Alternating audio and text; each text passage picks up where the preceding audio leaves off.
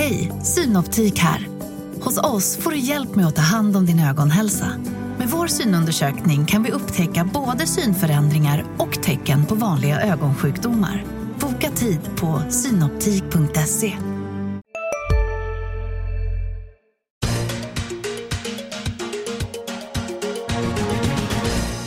och välkomna till Makrorådet, podden där vi tar tempen på de viktigaste makrohändelserna just nu. Jag heter Johanna Jansson och jag hoppar in för makrorådschefen Viktor Munkhammar idag. Och mitt emot mig har jag Anna Breman, chefekonom på Swedbank och Johan Javeus, chefstrateg på SEB. Välkomna. Tack så mycket. Tack. Vi ska prata en hel del idag. Det är både politisk oro, det är prisutveckling i Sverige och omvärlden och sen så som vanligt så har ni med två spaningar, eller hur? Mm. Ja, det blir spännande. Men jag tänker vi börjar med, det är ju intensiva politikerdagar och, och det tröskas mycket i media. Överdriver vi oron för den här politiken? För marknaderna är ju fortfarande ganska optimistiska får man väl säga. Vad säger du Johan? Ja, det där är svårt att säga om man överdriver oron eller inte men jag tror att egentligen gör man kanske inte det. Jag tycker inte att faran är över för marknaden förrän vi då ser att, ja, som det ser ut nu, då, att Macron blir den som blir vald till, till president i Frankrike. Frågan är hur mycket man kan prisa in av det här i förväg och jag tror att det, det är alltid svårt. Utan eh, jag tror att marknader de är duktiga på att prisa in i förväg förändringar i ekonomiska förutsättningar men väldigt dåliga på att i förväg prisa in förändringar eller försämringar i eh, politiska händelser. Så att, eh, Varför är det så? Då? Är det för att man inte orkar eller, eller vill eller kan? Eller varför blir det så? Jag tror att det är för att det är så svårt att förutsäga. Jag menar, Donald Trump är ju ett bra exempel. Där, där eh, pratades det enormt mycket innan eh, han blev vald om, om alla problem det skulle innebära om, om han blev vald. Och så visade det sig att det, det är inte alls det som har inträffat, åtminstone inte än. än va? Nej. Precis. Och jag tror att det är väldigt svårt. Jag menar, titta på till exempel det här med, med, med, problemen med protektionism och så vidare och den oron som absolut fortfarande finns där. Men det är väldigt svårt att börja prisa in ett sånt negativt scenario innan vi faktiskt vet om det blir verklighet. Mm. Så att därför tenderar politiska händelser att ha, ha liksom en större chockverkan på marknaden om de väl och vad, tror du, vad tror du då, Anna? Kommer den här chocken då? Är det så att vi bygger upp för en chock här framöver? Eller? Inte nödvändigtvis en chock. Däremot så ska vi ju inte tänka att de här politiska riskerna är över på något sätt. Och det är ju inte bara franska valet. Eh, det är även det italienska valet. Vi vet inte när det blir. Men där finns det också en stor osäkerhet inför eurosamarbetet. Så att och vad just... blir det för chock då? Är det liksom en finansiell chock som blir akut? Eller är det liksom att vi ska tänka oss sämre tillväxt i ett par länder framöver om de håller på att harva runt med de här politiska problemen istället för att göra annat? Eller? Tyvärr kan det vara båda delarna. Alltså kommer en riktig överraskning så det blir osäkerhet kring euron igen, då kan det ju bli en finansiell chock som sätter sig på börser och räntor och växelkurser och det kan ju påverka ekonomin kortsiktigt om det blir riktigt illa. Men jag ser ju att den största risken är att vi har politiskt svaga regeringar som har svårt att genomföra reformer och att, att det inte sker någonting som gör att det på längre sikt blir bättre utan man fortsätter att leva i en ganska låg tillväxtmiljö under lång tid. Det är även den uppenbara risken med USA just nu. Att det blir varken ja, som tur är då kanske inte de här riktigt dåliga sakerna men det blir inte heller några bra reformer. Så du, kan, du riskerar att få en dålig ekonomisk utväxt, eh, tillväxt under många år. Och det skapar ju sig en svag politisk miljö så det är en stor risk. Om vi, alltså en, en, på en, en, fråga här. Om ni skulle välja mellan eh, USA och Europa just nu, som läget är nu givet politisk osäkerhet, både då Donald Trump och sen så har vi de här europeiska valen. Vem om fem år, om ni bara skulle ta en chansning här, vem, vem, var, var har vi de bästa tillväxtförutsättningarna då? Jag önskar du hade sagt två år. Ja, men vi kan ta två år. Om du, jag tänkte att det skulle vara lättare med fem, men vi säger två år då. På två år ser Europa bra ut för att man har fortfarande ganska mycket återhämtning kvar att göra. Man ser ett visst momentum i europeisk ekonomi just nu. Eh, Medan USA är längre fram i konjunkturcykeln och har en del ganska stora utmaningar framför sig. Så på lite kort sikt ser jag faktiskt bra ut i Europa just nu. Och om jag då tar fem år då, ja. Eh, för att variera lite så tror jag att det ändå är USA. Eh, jag tror att oavsett vad man tycker om Donald Trump och en del av hans politik så mycket av det han ändå vill genomföra och kommer att genomföra, åtminstone i viss utsträckning, är faktiskt bra reformer. Avregleringar, skattesänkningar och infrastrukturinvesteringar. Och det tror jag ändå kommer att skapa en bra förutsättning för, Europa, eller för USA. Då. Europa är däremot, då har man de här politiska problemen med väldigt, väldigt mycket euroskepticism som faktiskt är på frammarsch. Eh, oavsett om vi nu får en negativ utgång i de här valen som, som vi har i år. Och, det tror jag kommer göra Europasamarbetet satt under fortsatt press. Och, det blir inte riktigt de reformerna som Europa behöver. Mm, intressant. Intressant att höra. Så lite konjunkturdrag i Europa just nu men, men USA blir starkare på längre sikt eventuellt. Om vi vänder blickarna mot Sverige så har det ju varit en hel del utspel eh, även här inom politiken. Och, eh, och en del har handlat just om de växande hushållsskulderna som är för många i omvärlden är en av Sveriges stora utmaningar. Eh, och Riksbanken var nyligen i förhör i finansutskottet och sen så har även Magdalena Andersson och Per Bolund varit ute och pratat om eh, Nordeas eventuella risker för finanssektorn eh, och sen har vi haft politiker som har skrivit debattartiklar om hur incitamenten för bankerna ser ut att låna ut. Jag tycker att det verkar som att man liksom skiftar fokus lite och inte bara pratar räntenivåer utan man pratar också struktur i banksektorn lite mer när det gäller hushållsskulderna. Hur ser ni på riskerna kring den fortsatt växande skuldsättningen? Hur mycket av ett problem är det för Sverige, Anna? Till exempel? Såklart vi behöver vara vaksamma när det gäller hushållens skuldsättning. För skulderna har ökat mycket i Sverige. Det är en stor kontrast mot omvärlden där man ju hade fallande huspriser och hushållen har betalat ner sina skulder. Och i Sverige har det bara fortsatt att öka. Så att såklart man behöver vara vaksam och, och bankerna är faktiskt ganska försiktiga i sin utlåning idag. Eh, hushållen behöver ha goda marginaler för att få lån. Men jag håller med dig om att det har blivit ett skifte nu inte bara från liksom räntorna och Riksbanken utan även väldigt mycket mer mot politiken. För alla vet ju att långsiktigt så har vi en dåligt fungerande bostadsmarknad. Så ska man komma till rätta med skuldsättningen då behöver man ha ett bättre utbud av bostäder, man behöver en bättre fungerande hyresmarknad. Så att det är ju både bankerna och väldigt mycket politiken och det man kallar makrotillsyn som är i fokus nu och det, det bör ligga mycket fokus på de bitarna. Man skulle kunna göra bättre reformer för att det får fungera bättre på lång sikt. Och, och händer det någonting då? Vad tror du Johan? Kommer vi prata om de här riskerna med hushållsskulderna Kommer det hända någonting? Det kommer säkert hända någonting men det är ju så med, med regleringar. Alltså att Riksbanken de, följer ju, de sätter ju ett lågt pris på pengar vilket naturligtvis gör att folk har stor aptit på att låna och de styr det utifrån inflationen. Kvar då det är typ, olika typer av regleringar och det är klart att det, det är inte så himla populärt att vara den som reglerar och, och begränsar hushållens rörelsefrihet egentligen. Så att politiker tror jag inte kommer att och, och vilja ta de här mer, mer drastiska besluten för att verkligen komma till rätta med de här problemen. Eh, speciellt då inte eftersom vi närmar oss ett, eh, ett val då nästa år och, och så vidare. Va? Men det låter oroväckande. Ja, men man vill ju helst då att det är bankerna som ska göra detta på egen hand. Va? Och, och det tycker jag i, i grunden kanske inte är rätt väg. Utan eh, jag tror att det, det, bästa är att man har ett system då där hushållen själva fattar beslut om hur mycket de vill låna. Och sen gör bankerna en ansvarsfull kreditprövning av det här hushållet. Och Sen beviljar man ett lån då, även då satt till de regleringar som, som finns då när det gäller skuldsättning och så vidare. Det tycker jag är en bra ordning. Och eh, det innebär en del obekväma beslut för politiker framöver om man tycker att det här med skuldsättning är ett stort problem. Men det är trots allt därför de är valda. Men hur nära klippkanten är vi då? Är vi på väg att köra över här eller? Klarar vi oss? Det, det, vi har väldigt goda möjligheter att klara mm. oss. För att men, svensk ekonomi går väldigt starkt. Hushållens, eh, möt, hushållen möter en väldigt stark arbetsmarknad. Eh, räntorna är väldigt låga och även om jag förväntar mig en ränteuppgång framöver så tror jag att den kommer ske ganska gradvis och då hinner ju hushållen anpassa sig.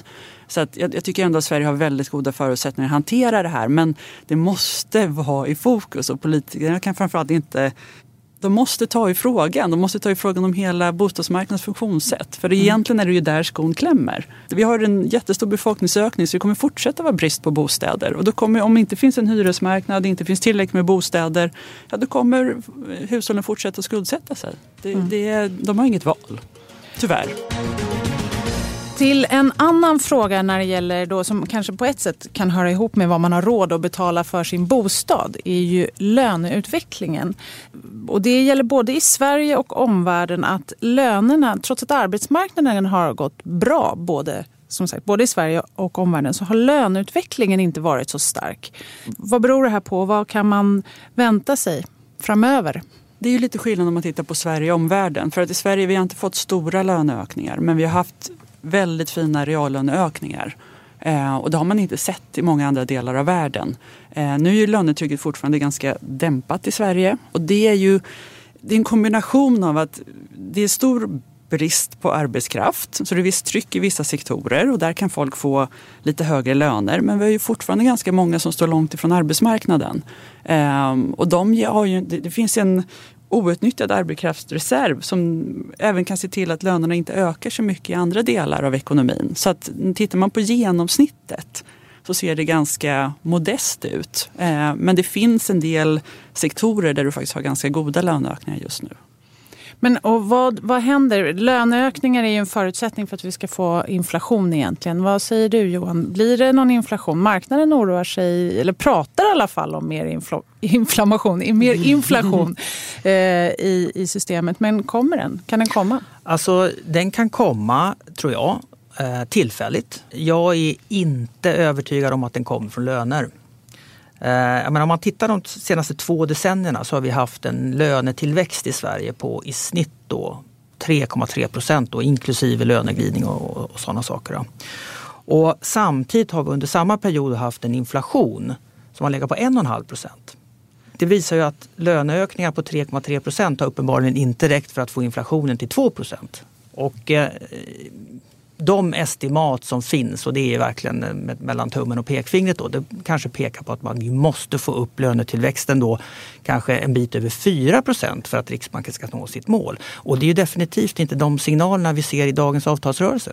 Utan där pratar man ju om, om någonstans mellan 2 och 2,5 procent kanske. Så att eh, jag tror det kommer bli svårt att, att på sikt få, få den löneinflation som krävs för att vi varaktigt ska ha en inflation på 2% Det här blir ju en spänning mellan två viktiga delar i ekonomisk politik. Riksbanken har ett inflationsmål på 2 Lönerna kan, vill, eller, det går inte att öka lönerna för mycket heller för att arbetsgivarna säger stopp. Vad är det som kommer ge med sig i den här spänningen? Vem måste ge sig? Alltså, jag tror att det är eh, svenska löner, de, eh, de kommer inte att att öka på det sätt som vi så att säga, har vant oss vid. Jag menar, vi har en tillväxt, vi har haft en stark tillväxt nu i flera år. Vi har haft en stark arbetsmarknad och ändå pratar vi om avtal på historiskt väldigt låga nivåer. Mm. Och det beror på att vi har en press utifrån. Allt fler av våra jobb konkurrensutsätts internationellt vilket gör det o... Hej, Ulf Kristersson här. På många sätt är det en mörk tid vi lever i. Men nu tar vi ett stort steg för att göra Sverige till en tryggare och säkrare plats. Sverige är nu medlem i Nato. En för alla, alla för en.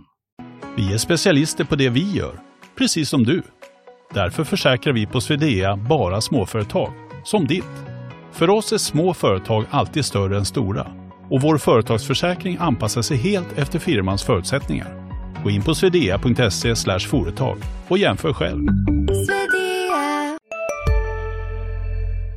möjligt för oss att höja löner. Och dessutom har vi också en automatisering på en mängd olika sektorer och delar av ekonomin som också pressar för alla möjliga typer av jobb. Så att i den miljön så är det svårt att tänka sig eh, väldigt stora löneökningar framöver.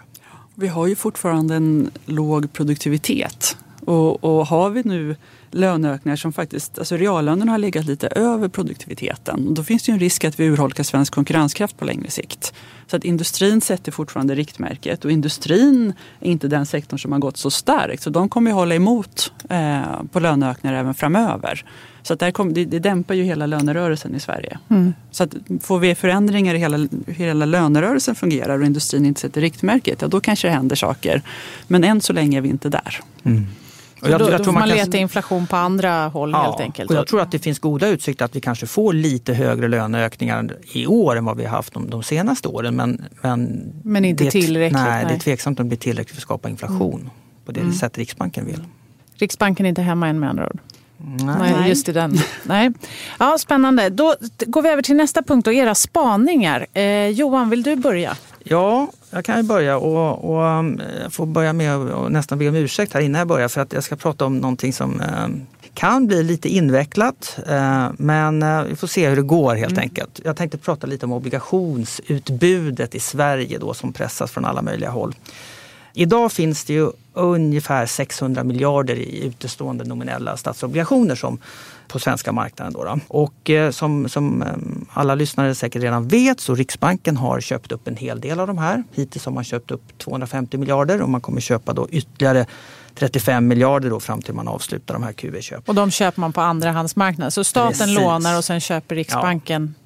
Men effekten av det här det blir ju att det blir färre obligationer kvar till de andra då som vill, som vill äga svenska statsobligationer. Sen är det ju också så, så, som vi redan har pratat om, att det går ju bra för Sverige just nu. Eh, och det gör att skatteintäkterna är höga och det statens lånebehov minskar. Och eh, just nu minskar det väldigt snabbt och vi räknar väl med att i år så kommer staten gå plus med kanske 25 miljarder kronor. Och det är ju allt annat lika en amortering på statsskulden, det vill säga ett minskat lånebehov. Så att även därifrån så, så att säga, krymper mängden obligationer som finns tillgängliga på marknaden. Och sen förra veckan så kom ju då den här senaste smällen mot obligationsutbudet och det är ju det här beslutet som regeringen har, har tagit då att den svenska valutareserven ska minskas. Och hur påverkar då det svenska obligationsutbudet?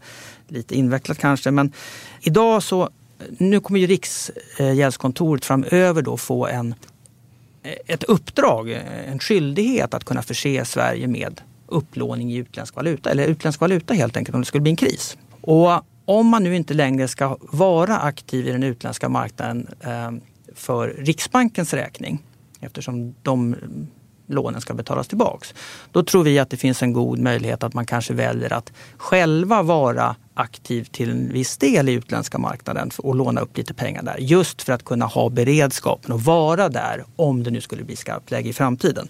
Det är ju liksom lite svårt att komma flera år senare då om man har varit borta från marknaden som gubben i lådan och säga hej nu har vi kris på hemmaplan, nu behöver vi låna en massa pengar här.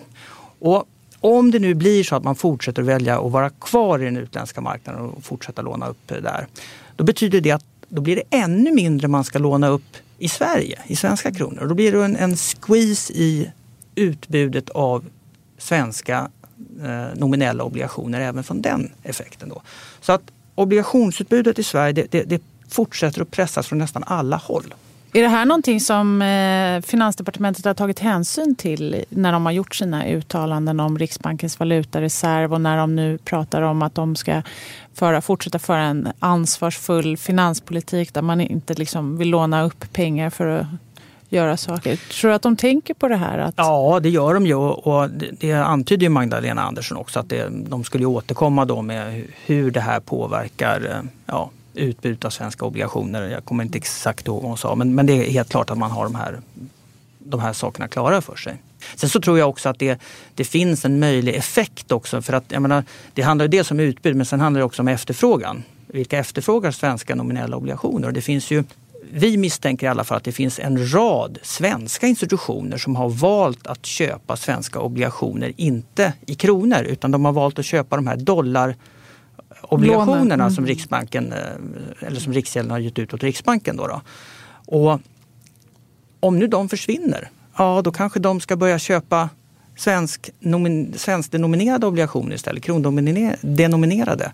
Och då blir det en alldeles större efterfrågan från det här. Så, också. så summa summarum, en hög efterfrågan på svenska statsobligationer men mm. ett minskande utbud. Så att ja. högre priser på obligationer och då pressas statsobligationsräntorna ner. Ja, mm. och, och eh, även då man funderar kring vad vi ska ha för utveckling i våra långräntor mot, mot resten av världen så tror jag att eh, den här tioårsbredden mot Tyskland till exempel, den mm. kommer vara under viss press framöver. Så låga svenska långräntor? Mm, trots att vi tror att Riksbanken då ändå närmar sig ett läge där man ska börja höja. Men mm. det låter ju som en um, dålig utveckling eller en bra utveckling. Eller kan man säga Nej, något sånt? Det, det, är ju så att säga så här att jag tycker att det är, det är svårt att beskriva det här som dåligt. Att vi har en, en, en låg statsskuld och, och, en stor efterfrågan på att äga den. Men, mm. men det är klart att det skapar problem eh, för vissa aktörer på marknaden. Mm. Speciellt eftersom många då av regleringsskäl också är, är tvingade att äga en hel del statsobligationer. Säkra statspapper eller som mm. man... Mm. Ja, spännande. Anna, vad har du spanat på?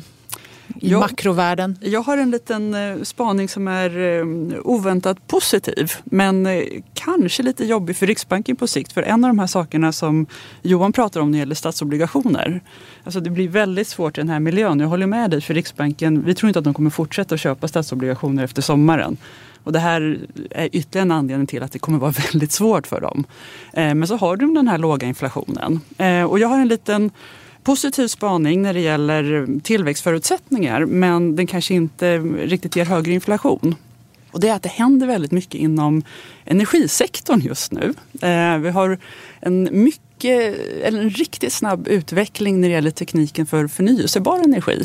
Man ser stora investeringar globalt. Jag kan ge några exempel. Eh, kostnaden för solpaneler har fallit med 80 procent på fem år. Delar av världen så är solenergi redan konkurrenskraftigt utan subventioner jämfört med gamla fossila bränslen. I USA så är det faktiskt fler anställda inom solenergisektorn än traditionella industrier. Så det, det går väldigt snabbt. Och i den här miljön när man nu, om man tittar på den inflationsuppgång vi har haft i Europa, USA och även i Sverige så har det ganska bidragande faktor har varit energipriser. Så att framför oss nu så har vi den positiva sidan när det sker mycket investeringar vilket kan bidra till eh, ja, ny teknik, högre produktivitet, tillväxt, nya jobbtillfällen. Men det får samtidigt då även en press på eh, kostnaden för energi. Och då kommer du ju ha det här att den här lilla skjutsen uppåt på inflationen som har varit kan ju då eh, falla ur. Eh, vilket gör att du kommer ha en ytterligare liksom en, en långsiktig press nedåt på inflationen från låga energipriser framöver. Nu är det så att vi har en ny president i USA som heter Donald Trump. Och han är ju inte riktigt så förtjust i de här nya energikällorna utan han har ju pratat om att han ska börja satsa mer igen på kol, olja och gas. Och ifall han gör det, då är det liksom det skulle kunna motverka den positiva utveckling vi har. Eh, men då egentligen för, från centralbankshåll så får det samma effekt för att då kanske olja igen blir lite billigare på sikt. Så Oljepriset energi... har ju redan sjunkit Ja, så här, då får så... du ändå ner mm. energipriserna på sikt. Så mm. att hur du än gör så antingen får du liksom en positiv utveckling för miljön och tillväxten eller så mm. kanske Trump kan hålla emot ett tag. Eh, men centralbankerna står fortfarande inför den problemet att långsiktigt kommer inte energipriserna bidra till inflationen. Så, så att, att, både på kort sikt här så faller in, energipriserna ur inflationen även ja, på längre sikt? Ja, och det är ju samtidigt då bra för hushåll och företag. För liksom lägre priser gör ju att de kan använda sina disponibla inkomster till andra saker som är positivt för tillväxten. Så från ett ekonomiskt perspektiv så är det här en väldigt bra utveckling långsiktigt. Mm. Men det låter som att ni båda då tror på, ni, ni är inte särskilt oroliga för att räntorna ska sticka iväg med andra ord. Varken av inflationsskäl eller av utbudsskäl då på statsobligationsmarknaden. Är det en logisk slutsats? Eller Räntorna har ju, alltså det har ju varit lite tema på marknaderna här senaste månaden att inflationen är på väg tillbaka och att räntorna är på väg upp och man börjar höja korträntorna i USA och sådär. Men ett visst momentum när det gäller normalisering av penningpolitiken kanske man kan ha även mm. om inflationen inte kommer så långt. Alltså, ja, jag, tror, jag, tror, jag tror bara att det inte kommer, jag tror att det kommer bli gradvis. Alltså, mm. det kommer inte gå så snabbt. Det är precis det som amerikanska centralbanken säger.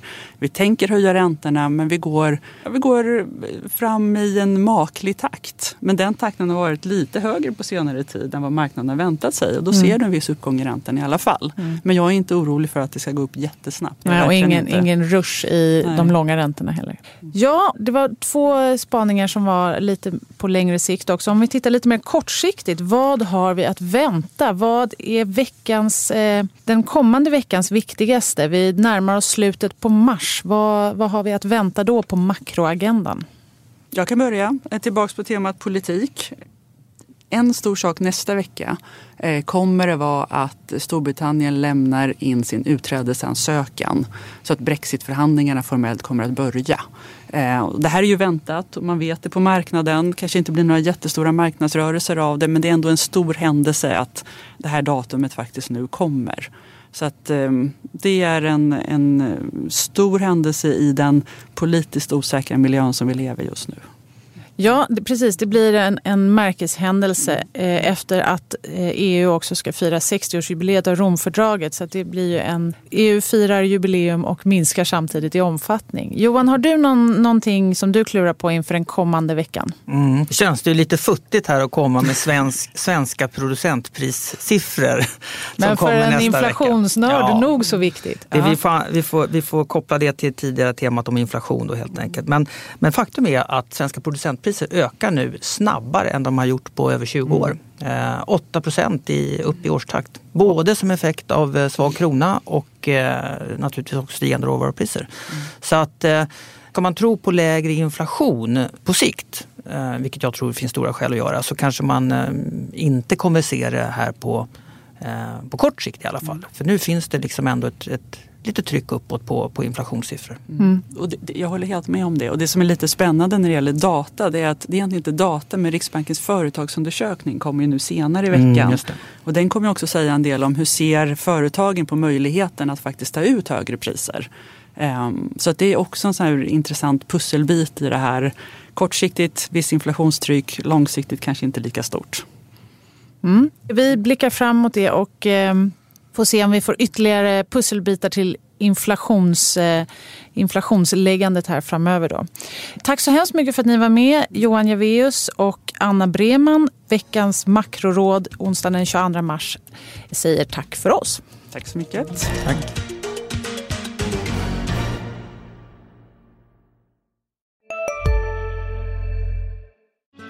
Hej, Susanne Axel här. När du gör som jag och listar dig på en av Krys vårdcentraler får du en fast läkarkontakt som kan din sjukdomshistoria. Du får träffa erfarna specialister, tillgång till lättakuten och så kan du chatta med vårdpersonalen. Så gör ditt viktigaste val idag, lista dig hos Kry.